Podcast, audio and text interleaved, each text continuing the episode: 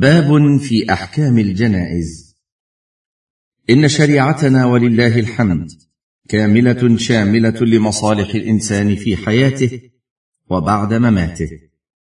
ومن ذلك ما شرعه الله من أحكام الجنائز من حين المرض والاحتضار إلى دفن الميت في قبره من عيادة المريض وتلقينه وتغسيله وتكفينه والصلاة عليه ودفنه وما يتبع ذلك من قضاء ديونه وتنفيذ وصاياه وتوزيع تركته والولاية على أولاده الصغار. قال الإمام ابن القيم حاشية زاد المعاد في الجزء الأول الصفحة الثامنة والتسعين بعد الأربعمائة. انتهى. قال الإمام ابن القيم رحمه الله وكان هديه صلى الله عليه وسلم في الجنائز أكمل الهدي مخالفا لهدي سائر الأمم مشتملا على إقامة العبودية لله تعالى على أكمل الأحوال وعلى الإحسان للميت ومعاملته بما ينفعه في قبره ويوم معاده من عيادة وتلقين وتطهير وتجهيز إلى الله تعالى على أحسن الأحوال وأفضلها. فيقفون صفوفا على جنازته. يحمدون الله ويثنون عليه. ويصلون على نبيه محمد صلى الله عليه وسلم. ويسألون للميت المغفرة والرحمة والتجاوز. ثم يقفون على قبره يسألون له التثبيت. ثم زيارة قبره والدعاء له. كما يتعاهد الحي صاحبه في الدنيا. ثم الإحسان إلى أهل الميت وأقاربه وغير ذلك. انتهى. ويسن الإكثار من ذكر الموت والاستعداد له بالتوبة من المعاصي ورد المظالم إلى أصحابها والمبادرة بالأعمال الصالحة قبل هجوم الموت على غرة. قال النبي صلى الله عليه وسلم أكثروا من ذكر هادم اللذات. رواه الخمسة بأسانيد صحيحة. وصححه ابن حبان والحاكم وغيرهما. حاشية. الترمذي برقم سبعة وثلاثمائة بعد الألفين. وقال حسن غريب. والنسائي برقم خمسين وتسعمائة وألف. وابن ماجه برقم ثمانية وخمسين ومائتين وأربعة آلاف. وابن حبان برقم اثنين وتسعين وتسعمائة وألفين. والحاكم في الجزء الرابع. الصفحة الحادية والعشرين وثلاثمائة وقال على شرط مسلم انتهى. قال النبي صلى الله عليه وسلم اكثروا من ذكر هادم اللذات. رواه الخمسة بأسانيد صحيحة وصححه ابن حبان والحاكم وغيرهما. وهادم اللذات بالذال هو الموت. الصفحة التاسعة والثلاثون والمئه قال رسول الله صلى الله عليه وسلم استحيوا من الله حق الحياء. قال قلنا يا رسول الله إنا نستحي والحمد لله. قال ليس ذاك ولكن الاستحياء من الله حق الحياء أن تحفظ الرأس وما وعى والبطن وما حوى وتذكر الموت والبلا ومن أراد الآخرة ترك زينة الدنيا فمن فعل ذلك فقد استحيا من الله حق الحياء. حاشية. رواه الترمذي برقم ثمانية وخمسين وأربعمائة بعد الألفين. والحاكم في الجزء الرابع الصفحة التاسعة والخمسين والثلاثمائة. وقال صحيح. وابن أبي شيبة. في الجزء السابع الصفحة السابعة والسبعين. والبزار برقم خمسة وعشرين بعد الألفين. وأحمد في الجزء الأول الصفحة السابعة والثمانين والثلاثمائة. انتهى. اولا أحكام المريض والمحتضر. وإذا أصيب الإنسان بمرض فعليه أن يصبر ويحتسب ولا يجزع ويسخط لقضاء الله وقدره. ولا بأس أن يخبر الناس بعلته ونوع مرضه. مع الرضا بقضاء الله والشكوى إلى الله تعالى. وطلب الشفاء منه لا ينافي الصبر بل ذلك مطلوب شرعا ومستحب. فأيوب عليه السلام نادى ربه وقال أني مسني الضر وأنت أرحم الراحمين. وكذلك لا بأس بالتداوي بالأدوية المباحة. بل ذهب بعض العلماء إلى تأكد ذلك حتى قارب به الوجوب. فقد جاءت الأحاديث بإثبات الأسباب والمسببات والأمر بالتداوي وأنه لا ينافي التوكل كما لا ينافيه دفع الجوع والعطش بالطعام والشراب. ولا يجوز التداوي بمحرم لما في الصحيح عن ابن مسعود رضي الله عنه أنه قال إن الله لم يجعل شفاءكم فيما حرم عليكم. حاشية. علقه البخاري ووصله الحاكم في الجزء الرابع الصفحة الثانية والأربعين والمئتين والخامسة والخمسين والمئتين وصححه. وقال الهيثمي في الجزء الخامس الصفحة السادسة والثمانين رجاله رجال الصحيح. وروي مرفوعا أيضا. وصححه الحافظ في الفتح في الجزء العاشر الصفحه التاسعة والسبعين على شرطهما. انتهى. وروى أبو داود وغيره عن أبي هريرة مرفوعا إن الله أنزل الدواء وأنزل الداء وجعل لكل داء دواء ولا تداووا بحرام. حاشية. رواه أبو داود برقم أربعة وسبعين وثمانمائة وثلاثة آلاف. وعنه البيهقي في الجزء العاشر الصفحة الخامسة. وابن عبد البر في الجزء الخامس الصفحة الثانية والثمانين والمئتين. وسكت عنه الحافظ في الفتح في الجزء العاشر الصفحة الخامسة والثلاثين بعد المئة. انتهى. وفي صحيح مسلم أن النبي صلى الله عليه وسلم قال في الخمر إنه ليس بدواء ولكنه داء. حاشية. رواه مسلم برقم أربعة وثمانين وتسعمائة بعد الألف. انتهى. وكذلك يحرم التداوي بما يمس العقيدة من تعليق التمائم المشتملة على ألفاظ شركية أو أسماء مجهولة أو طلاسم أو خرز أو خيوط أو قلائد أو حلق تلبس على العضد أو الذراع أو غيره. يعتقد فيها الشفاء ودفع العين والبلاء. لما فيها من تعلق القلب على غير الله في جلب نفع أو دفع ضر. وذلك كله من الشرك أو من وسائله الموصلة إليه. ومن ذلك أيضا التداوي عند المشعوذين من الكهان والمنجمين والسحرة والمستخدمين للجن. فعقيدة المسلم أهم عنده من صحته. وقد جعل الله الشفاء في المباحات النافعة للبدن والعقل والدين.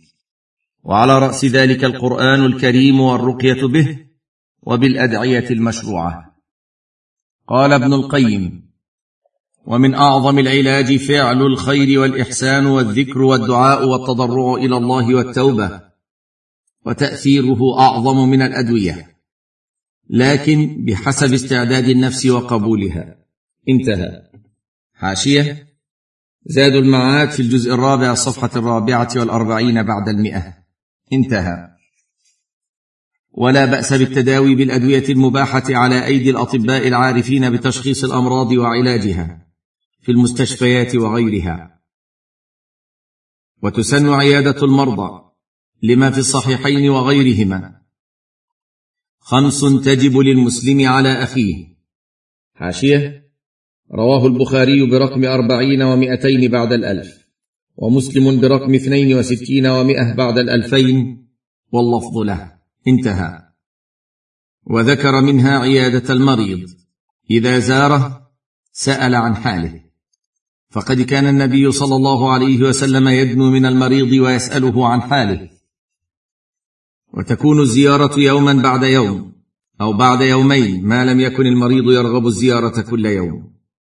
ولا يطيل الجلوس عنده إلا إذا كان المريض يرغب ذلك. ويقول للمريض لا بأس عليك طهور إن شاء الله. حاشية رواه البخاري. برقم أربعين ومائتين بعد الألف ومسلم برقم اثنين وستين ومائة بعد الألفين وهذا لفظ مسلم. انتهى. ويدخل عليه السرور ويدعو له بالشفاء ويرقيه بالقرآن لا سيما سورة الفاتحة والإخلاص والمعوذتين. ويسن للمريض أن يوصي بشيء من ماله في أعمال الخير. ويجب أن يوصي بماله وما عليه من الديون وما عنده من الودائع والأمانات وهذا مطلوب حتى من الإنسان الصحيح. لقوله صلى الله عليه وسلم ما حق امرئ مسلم له شيء يوصي به؟ يبيت ليلتين إلا ووصيته مكتوبة عنده. متفق عليه. حاشية. رواه البخاري برقم ثمانية وثلاثين وسبعمائة وألفين ومسلم برقم سبعة وعشرين وستمائة وألف. انتهى. وذكر الليلتين تأكيد لا تحديد. فلا ينبغي أن يمضي عليه زمان وإن كان قليلا. إلا ووصيته مكتوبة عنده لأنه لا يدري متى يدركه الموت. ويحسن المريض ظنه بالله. فإن الله سبحانه وتعالى يقول أنا عند ظن عبدي بي ويتأكد ذلك عند إحساسه بلقاء الله. ويسن لمن يحضره تطميعه في رحمة الله. ويغلب في هذه الحالة جانب الرجاء على جانب الخوف. وأما في حالة الصحة فيكون خوفه ورجاؤه متساويين لأن من غلب عليه الخوف أوقعه في نوع من اليأس ومن غلب عليه الرجاء أوقعه في نوع من الأمن من مكر الله. فإذا احتضر المريض فإنه يسن لمن حضره أن يلقنه لا إله إلا الله. لقوله صلى الله عليه وسلم لقنوا موتاكم لا إله إلا الله. رواه مسلم. حاشية برقم ستة عشر وتسعمائة. انتهى. وذلك لأجل أن يموت على كلمة الإخلاص. فتكون ختام كلامه. فعن معاذ مرفوعا من كان آخر كلامه لا إله إلا الله دخل الجنة. حاشية رواه أبو داود برقم ستة عشر ومئة بعد ثلاثة الآلاف. والحاكم في الجزء الأول الصفحة الثالثة بعد الخمسمائة والصفحة الثامنة والسبعين بعد الستمائة وصححه. وأحمد في الجزء الخامس الصفحة الثالثة والثلاثين بعد المئتين. وصححه ابن الملقن وغيره. انتهى. ويكون تلقينه إياها برفق. ولا يكثر عليه لئلا يضجره وهو في هذه الحال. الصفحة الحادية والأربعون بعد المئة. ويسن أن يوجه إلى القبلة. ويقرأ عنده سورة ياسين. لقوله صلى الله عليه وسلم اقرأوا ياسين على موتاكم. رواه أبو داود وابن ماجه. وصححه ابن حبان. حاشية رواه أبو داود برقم واحد وعشرين ومائة بعد ثلاثة الآلاف. وابن ماجه برقم ثمانية وأربعين وأربعمائة بعد الألف. وأحمد في الجزء الخامس الصفحة السادسة والعشرين والسابعة والعشرين. والنسائي برقم ثلاثة عشر وتسعمائة بعد عشرة الآلاف. وابن حبان برقم اثنين بعد ثلاثة آلاف. والحاكم في الجزء الأول الصفحة الثالثة والخمسين بعد السبعمائة انتهى. والمراد بقوله موتاكم من حضرته الوفاة. أما من مات فإنه لا يقرأ عليه. فالقراءة على الميت بعد موته بدعة. بخلاف القراءة على الذي يحتضر فإنها سنة. فالقراءة عند الجنازة أو على القبر أو لروح الميت. كل هذا من البدع التي ما أنزل الله بها من سلطان. والواجب على المسلم العمل بالسنة وترك البدعة. ثانيا أحكام الوفاه ويستحب إذا مات الميت تغميض عينيه لأن النبي صلى الله عليه وسلم أغمض أبا سلمة رضي الله عنه لما مات. وقال إن الروح إذا قبض تبعه البصر فلا تقولوا إلا خيرا. فإن الملائكة يؤمنون على ما تقولون. رواه مسلم. حاشية. انظر في صحيح مسلم برقم عشرين وتسعمائة. انتهى. ويسن ستر الميت بعد وفاته بثوب. لما روت عائشة رضي الله عنها أن النبي صلى الله عليه وسلم حين توفي سجي ببرد حبرة. متفق عليه. حاشية. رواه البخاري برقم أربعة عشر وثمانمائة وخمسة آلاف ومسلم برقم اثنين وأربعين وتسعمائة. انتهى. وينبغي الإسراع في تجهيزه إذا تحقق موته. لقوله صلى الله عليه وسلم لا ينبغي لجيفة مسلم أن تحبس بين ظهراني أهله. رواه أبو داود. حاشية. رواه أبو داود برقم تسعة وخمسين ومائة بعد ثلاثة آلاف والبيهقي في الجزء الثالث الصفحة السادسة وثمانين بعد ثلاثمائة. انتهى. ولأن في ذلك حفظا للميت من التغير. قال الإمام أحمد كرامة الميت تعجيله. ولا بأس أن ينتظر به من يحضره من وليه أو غيره إن كان قريبا. ولم يخش على الميت من التغير. ويباح الإعلام بموت المسلم للمبادرة لتهيئته وحضور جنازته والصلاة عليه والدعاء له. وأما الإعلام بموت الميت على صفة الجزع وتعداد مفاخره فذلك من فعل الجاهلية ومنه حفلات التأبين وإقامة المآتم. ويستحب الإسراع بتنفيذ وصيته لما فيه من تعجيل الأجر وقد قدمها الله تعالى في الذكر على الدين اهتماما بشأنها وحثا على إخراجها. ويجب الإسراع بقضاء ديونه سواء كانت لله تعالى من زكاة وحج أو نذر طاعة أو كفارة أو كانت الديون لآدمي كرد الأمانات والغصوب والعارية سواء أوصى بذلك أم لم يوص به لقوله صلى الله عليه وسلم نفس المؤمن معلقة بدينه حتى يقضى عنه. رواه أحمد والترمذي وحسنه. حاشية. رواه ابن حبان برقم واحد وستين بعد ثلاثة آلاف. والحاكم في الجزء الثاني الصفحة الثانية والثلاثين. وقال صحيح على شرط الشيخين. والترمذي برقم ثمانية وسبعين بعد الألف وتسعة وسبعين بعد الألف. وقال حسن وابن ماجه برقم ثلاثة عشر وأربعمائة بعد الألفين وأحمد في الجزء الثاني الصفحة الأربعين بعد الأربعمائة. وصححه ابن معين. تفسير القرطبي في الجزء الرابع الصفحة الثالثة والسبعين بعد المئتين. انتهى.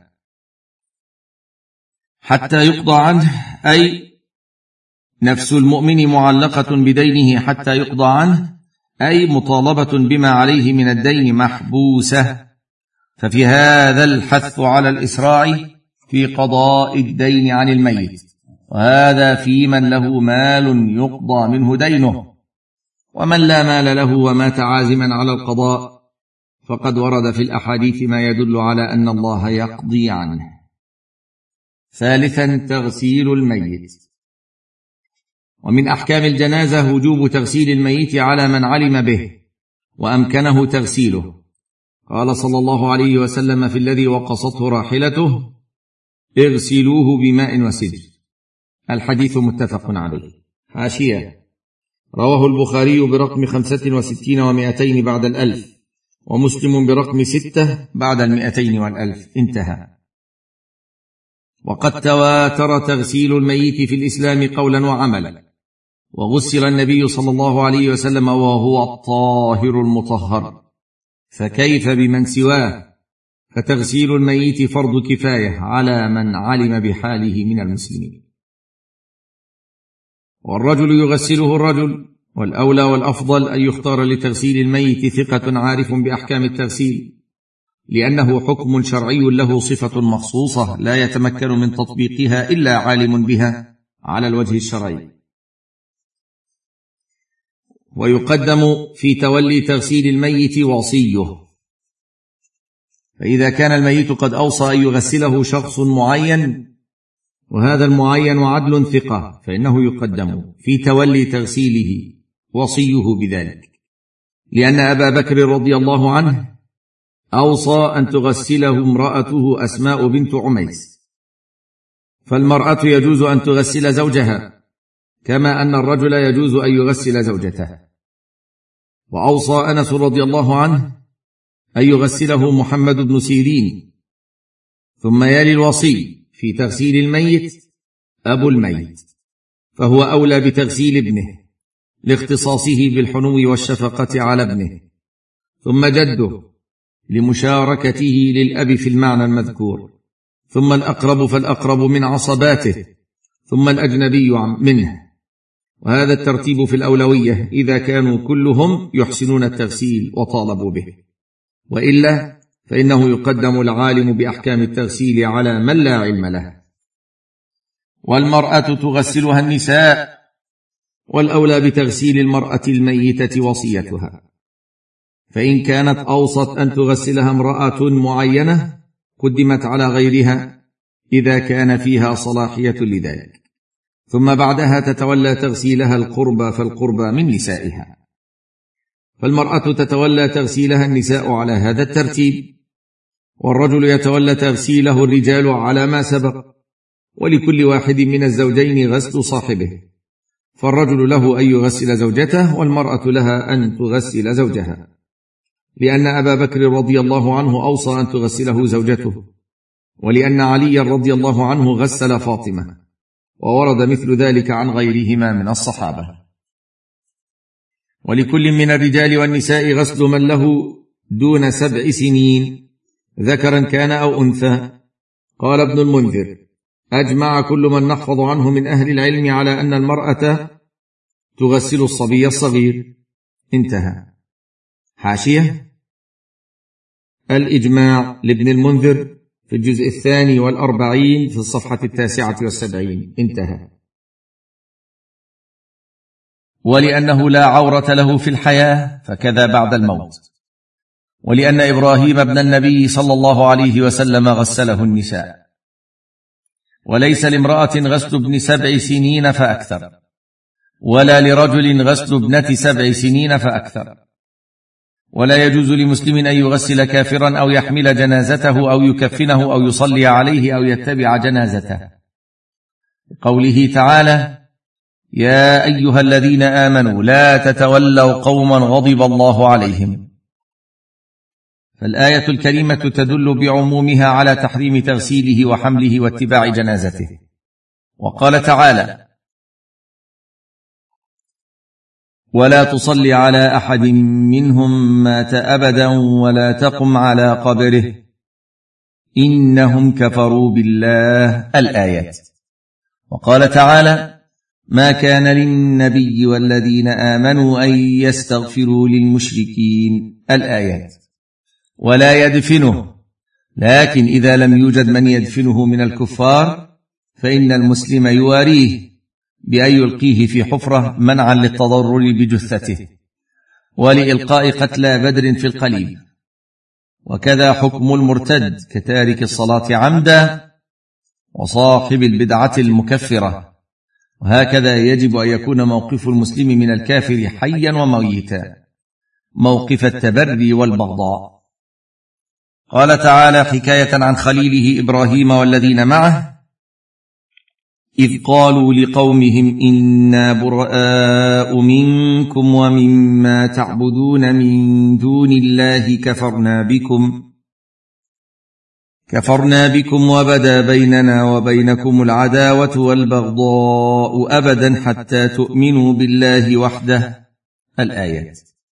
وقال تعالى لا تجد قوما يؤمنون بالله واليوم الآخر يوادون من حاد الله ورسوله ولو كانوا ولو كانوا آباءهم أو أبناءهم أو إخوانهم أو عشيرتهم. الآيات. وذلك لما بين الكفر والإيمان من العداء ولمعاداة الكفار لله ولرسله ولدينه. فلا تجوز موالاتهم أحياء ولا أمواتا. نسأل الله أن يثبت قلوبنا على الحق وأن يهدينا صراطه المستقيم. ويشترط أن يكون الماء الذي يغسل به طهورا مباحا. والأفضل أن يكون باردا إلا عند الحاجة لإزالة وسخ على الميت أو في شدة برد فلا بأس بتسخينه. ويكون التغسيل في مكان مستور عن الأنظار ومسقوف من بيت أو خيمة ونحوها إن أمكن. ويستر ما بين سرة الميت وركبته وجوبا قبل التغسيل ثم يجرد من ثيابه ويوضع على سرير الغسل منحدرا نحو رجليه لينصب عنه الماء وما يخرج منه. ويحضر التغسيل الغاسل ومن يعينه على الغسل ويكره لغيرهم حضوره. ويكون التغسيل بأن يرفع الغاسل رأس الميت إلى قرب جلوسه ثم يمر يده على بطنه ويعصره برفق ليخرج منه ما هو مستعد للخروج. ويكثر صب الماء حينئذ ليذهب بالخارج ثم يلف الغاسل على يده خرقة خشنة. فينجي الميت وينقي المخرج بالماء ثم ينوي التغسيل ويسمي ويوضئه كوضوء الصلاة إلا في المضمضة والاستنشاق. فيكفي عنهما مسح الغاسل أسنان الميت ومنخريه بإصبعيه مبلولتين أو عليهما خرقة مبلولة بالماء. ولا يدخل الماء فمه ولا أنفه ثم يغسل رأسه ولحيته برغوة سدر أو صابون ثم يغسل ميامن جسده وهي صفحة عنقه اليمنى ثم يده اليمنى وكتفه ثم شق صدره الأيمن وجنبه الأيمن وفخذه الأيمن وساقه وقدمه الميامن. ثم يقلبه على جنبه الأيسر فيغسل شق ظهره الأيمن ثم يغسل جانبه الأيسر كذلك ثم يقلبه على جنبه الأيمن فيغسل شق ظهره الأيسر ويستعمل السدر مع الغسل أو الصابون ويستحب أن يلف على يده خرقة حال التغسيل.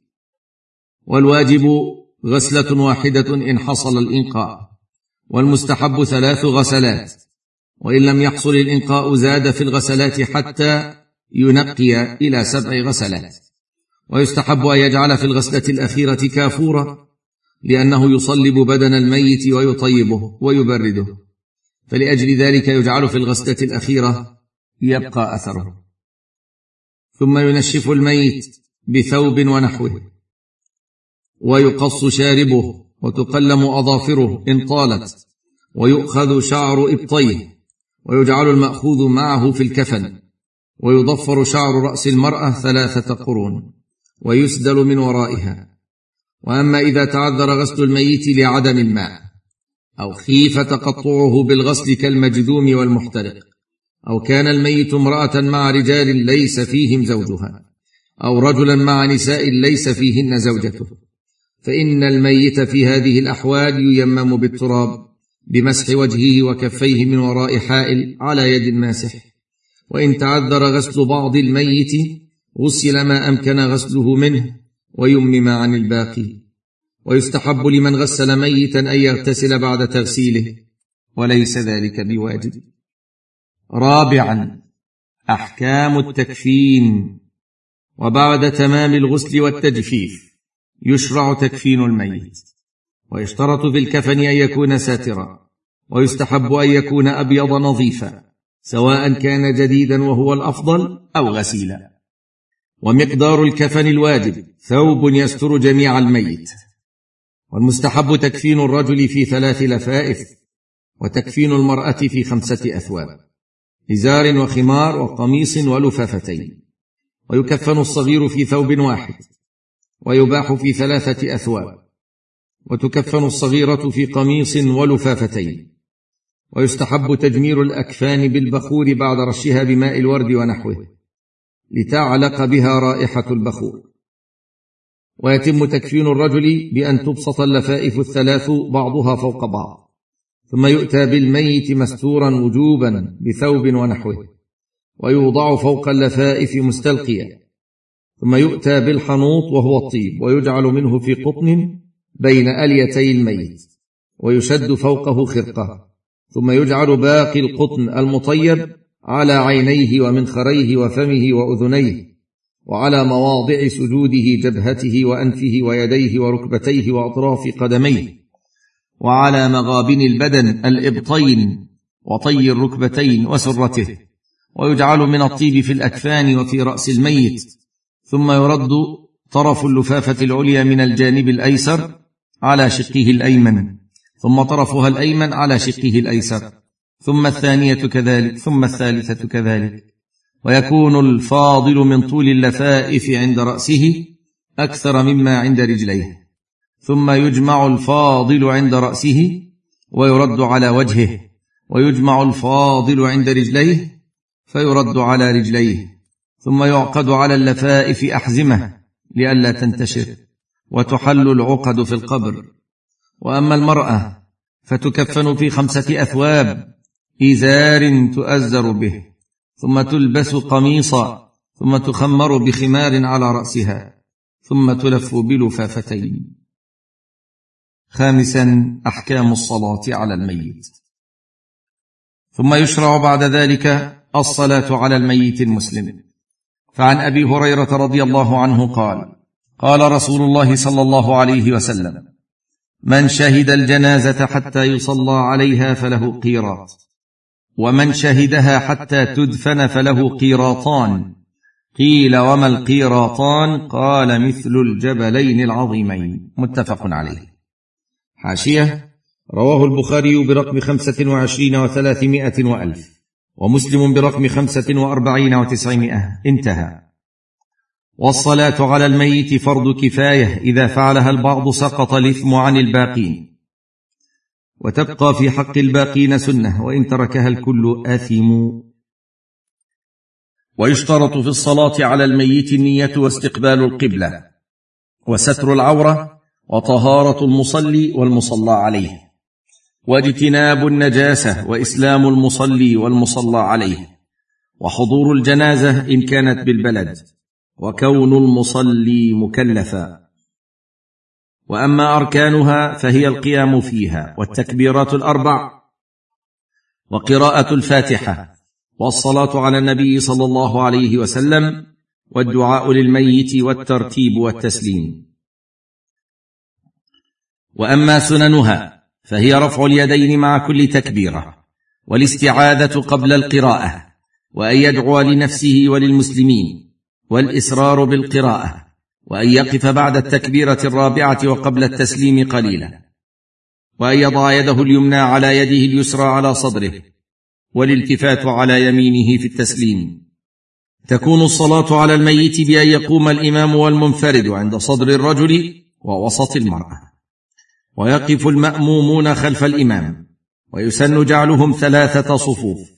ثم يكبر للإحرام ويتعوذ بعد التكبير مباشرة فلا يستفتح ويسمي ويقرأ الفاتحة ثم يكبر ويصلي بعدها على النبي صلى الله عليه وسلم مثل الصلاة عليه في تشهد الصلاة.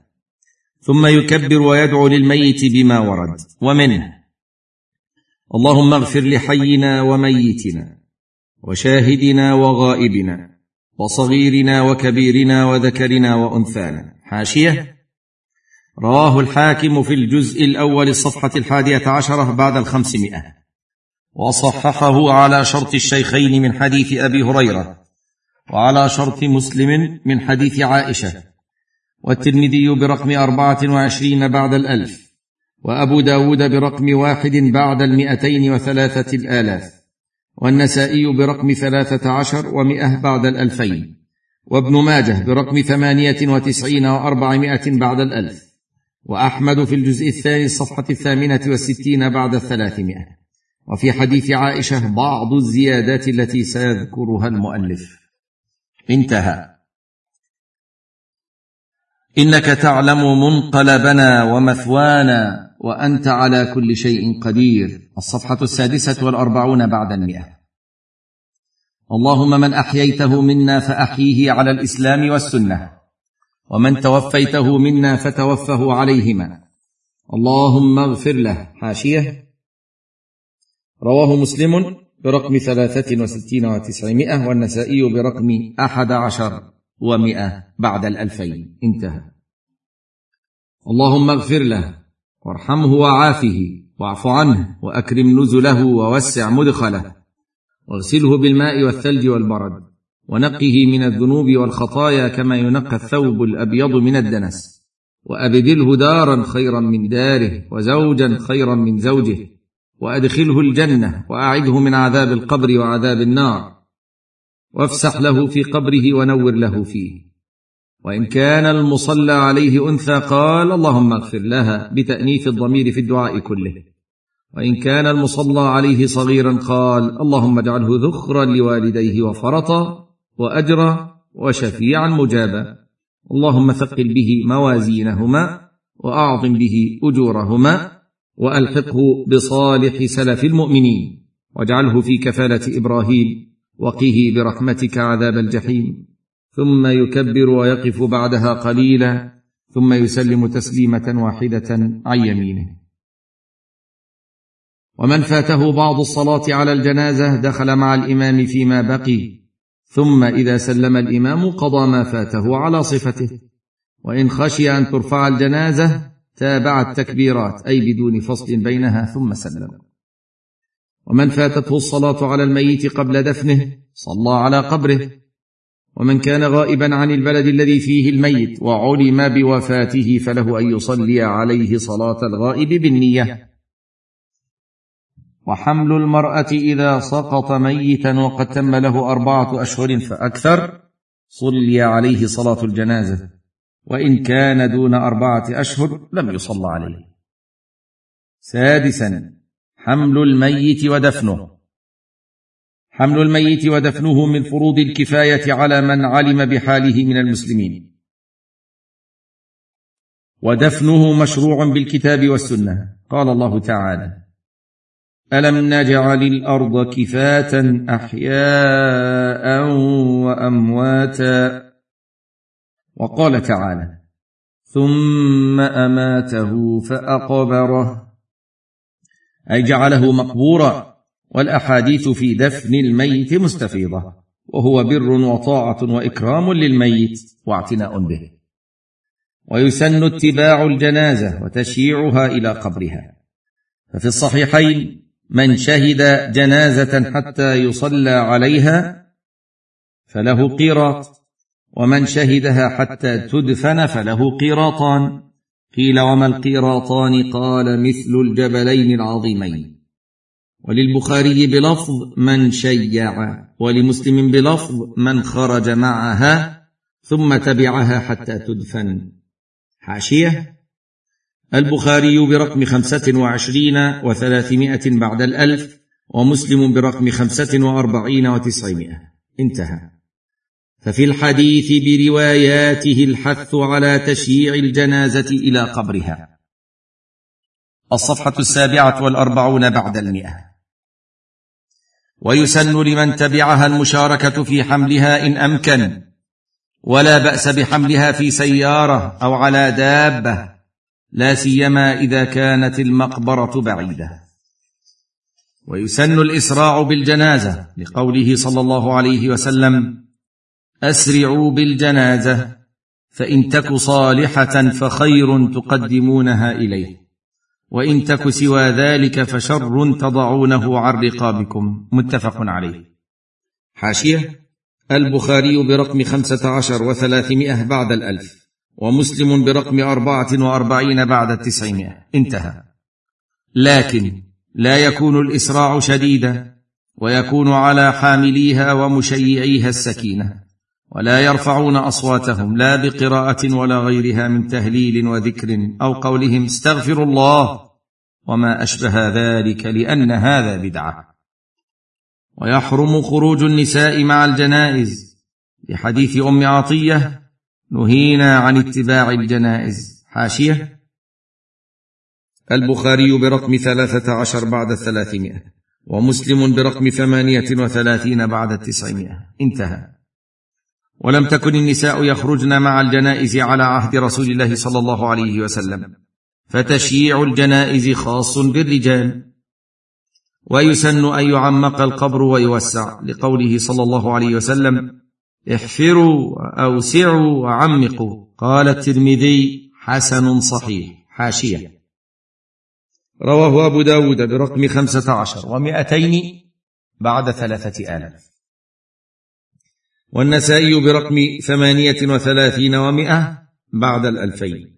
وأحمد في الجزء الرابع الصفحة التاسعة عشرة والعشرين. وابن ماجه برقم ستين وخمسمائة بعد الألف. والترمذي برقم ثلاثة عشر وسبعمائة بعد الألف. وقال حسن صحيح. انتهى. ويسن ستر قبر المرأة عند انزالها فيه لأنها عورة. ويسن أن يقول من ينزل الميت في القبر بسم الله وعلى ملة رسول الله لقوله صلى الله عليه وسلم إذا وضعتم موتاكم في القبور فقولوا بسم الله وعلى ملة رسول الله صلى الله عليه وسلم. رواه الخمسة إلا النسائي وحسنه الترمذي. حاشية. رواه أبو داود برقم ثلاثة عشر ومئتين بعد ثلاثة الآلاف.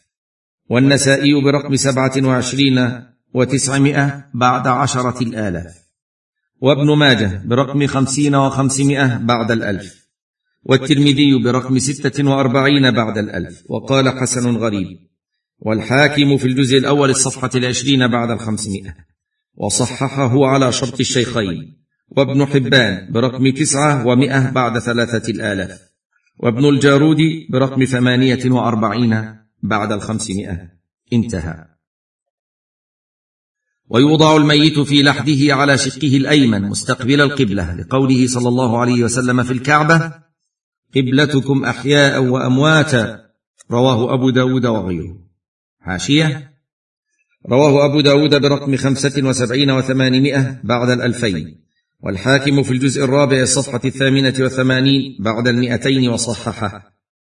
قال الهيثمي في الجزء الأول الصفحة الثامنة والأربعين رجاله موثوقون. وحسنه المنذري في الجزء الثاني الصفحة الثامنة والتسعين والمئة.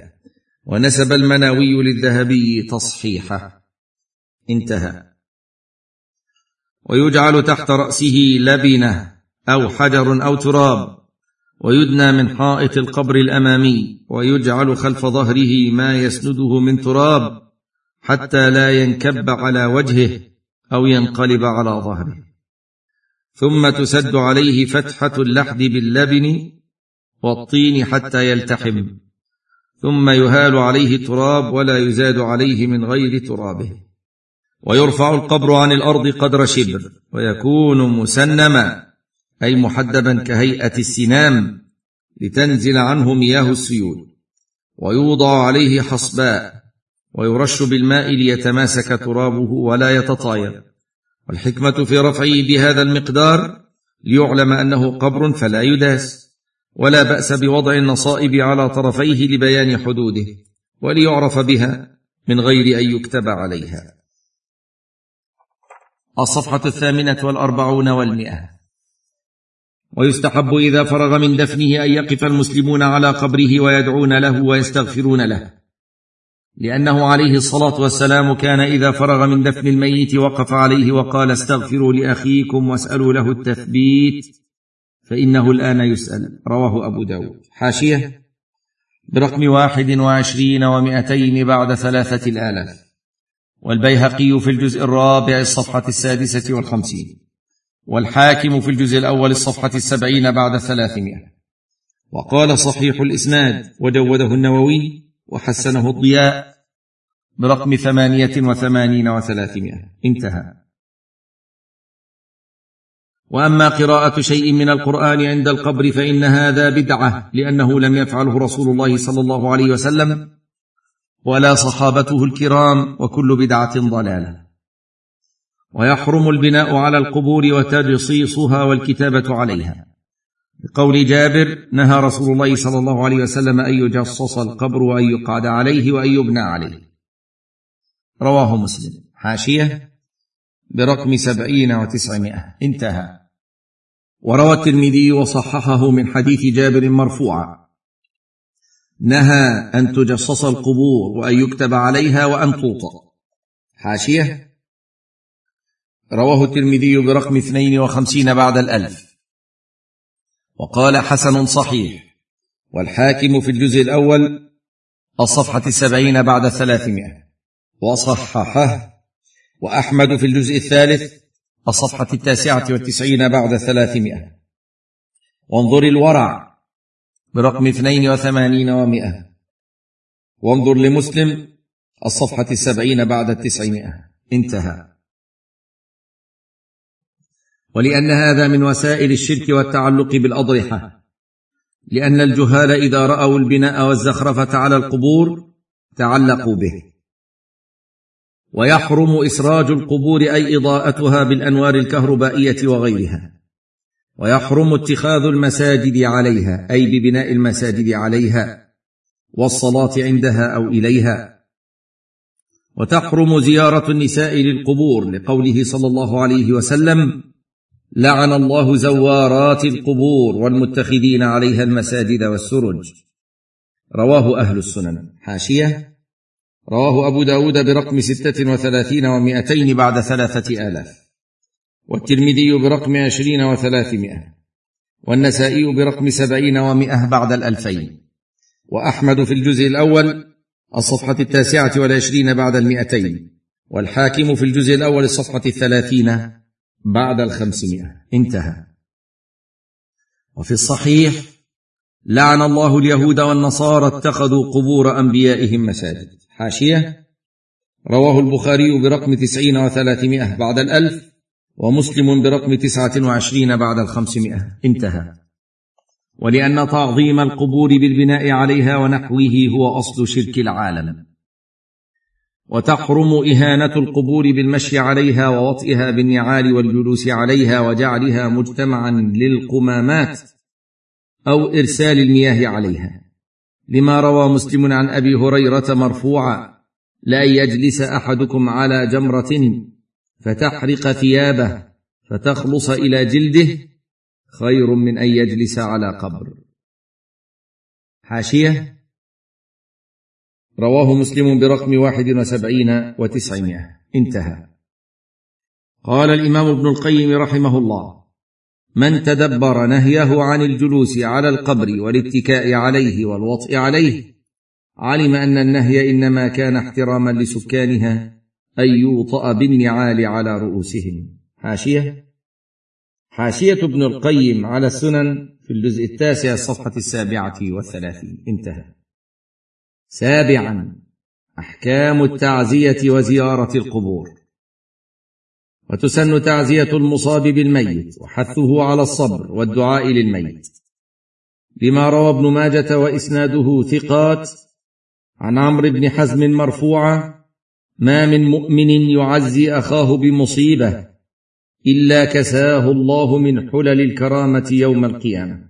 حاشيه رواه ابن ماجه برقم واحد وستمائة بعد الألف. وذكر الهيثمي شاهدا نحوه وفيه الخليل بن مرة ضعيف وآخر عند الخطيب في الجزء السابع وآخر عند الخطيب في الجزء السابع الصفحة السابعة والتسعين بعد ثلاثمائة. انتهى.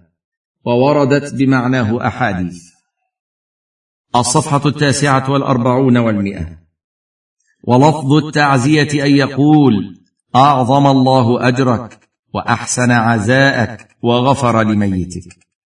ولا ينبغي الجلوس للعزاء والإعلان عن ذلك كما يفعل بعض الناس اليوم ويستحب أن يعد لأهل الميت طعام يبعث إليهم. لقوله صلى الله عليه وسلم اصنعوا لآل جعفر طعاما فقد جاءهم ما يشغلهم. رواه أحمد والترمذي وحسنه. حاشية. رواه أحمد في الجزء الأول. الصفحة الخامسة والسبعين بعد المئتين. والترمذي برقم ثمانية وتسعين وتسعمائة. وقال حسن صحيح. وأبو داود برقم اثنين وثلاثين ومائة بعد ثلاثة الآلاف. وابن ماجه برقم عشرة وستمائة وألف. والضياء برقم واحد وأربعين ومائة. والحاكم في الجزء الأول الصفحة السابعة والعشرين والخمسمائة وقال صحيح. انتهى. أما ما يفعله بعض الناس اليوم من أن أهل البيت يهيئون مكانا لاجتماع الناس عندهم ويصنعون الطعام ويستأجرون المقرئين لتلاوة القرآن ويتحملون في ذلك تكاليف مالية فهذا من المآتم المحرمة المبتدعة. لما روى الإمام أحمد عن جرير بن عبد الله قال كنا نعد الاجتماع إلى أهل الميت وصنعة الطعام بعد دفنه من النياحة. وإسناده ثقات. حاشية.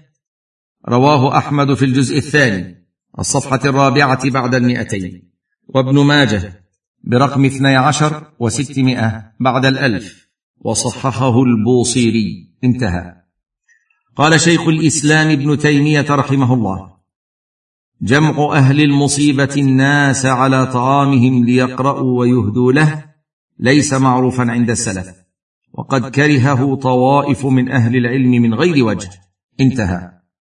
وقال الطرطوشي فأما المآتم فممنوعة بإجماع العلماء والمأتم هو الاجتماع على المصيبة وهو بدعة منكرة. لم ينقل فيه شيء. وكذا ما بعده من الاجتماع في الثاني والثالث والرابع والسابع والشهر والسنة فهو طامه وإن كان من التركة وفي الورثة محجور عليه أو من لم يأذن حرم فعله وحرم الأكل منه. انتهى. وتستحب زيارة القبور للرجال خاصة لأجل الاعتبار والاتعاظ ولأجل الدعاء للأموات والاستغفار لهم. لقوله صلى الله عليه وسلم كنت نهيتكم عن زيارة القبور فزوروها. رواه مسلم والترمذي. وزاد فإنها تذكر الآخرة. حاشية. رواه مسلم برقم سبعة وسبعين وتسعمائة بعد الألف. والترمذي برقم أربعة وخمسين بعد الألف. وقال حسن صحيح. انتهى. ويكون ذلك بدون سفر. فزيارة القبور تستحب بثلاثة شروط. واحد.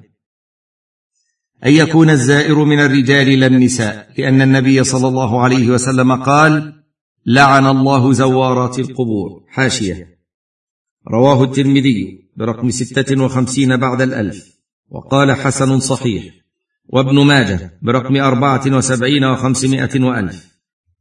والحاكم في الجزء الأول الصفحة الثلاثين بعد الخمسمائة والبيهقي في الجزء الرابع الصفحة الثامنة والسبعين انتهى.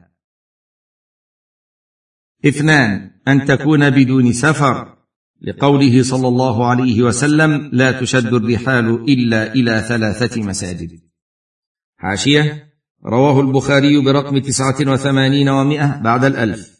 ومسلم برقم سبعة وتسعين وثلاثمائة بعد الألف. انتهى. ثلاثة. أن يكون القصد منها الاعتبار والاتعاظ والدعاء للأموات فإن كان القصد منها التبرك بالقبور والأضرحة وطلب قضاء الحاجات وتفريج الكربات من الموتى فهذه زيارة بدعية شركية. الصفحة الخمسون والمئة قال شيخ الإسلام ابن تيمية حاشية. مجموع الفتاوى في الجزء السادس والعشرين الصفحة التاسعة والأربعين بعد المئة. انتهى. قال شيخ الإسلام ابن تيمية رحمه الله زيارة القبور على نوعين شرعية وبدعية. فالشرعية المقصود بها السلام على الميت والدعاء له كما يقصد بالصلاة على جنازته من غير شد رحل والبدعية أن يكون قصد الزائر أن يطلب حوائجه من ذلك الميت وهذا شرك أكبر. أو يقصد الدعاء عند قبره أو الدعاء به وهذا بدعة منكرة ووسيلة إلى الشرك وليس من سنة النبي صلى الله عليه وسلم ولا استحبه أحد من سلف الأمة وأئمتها. انتهى.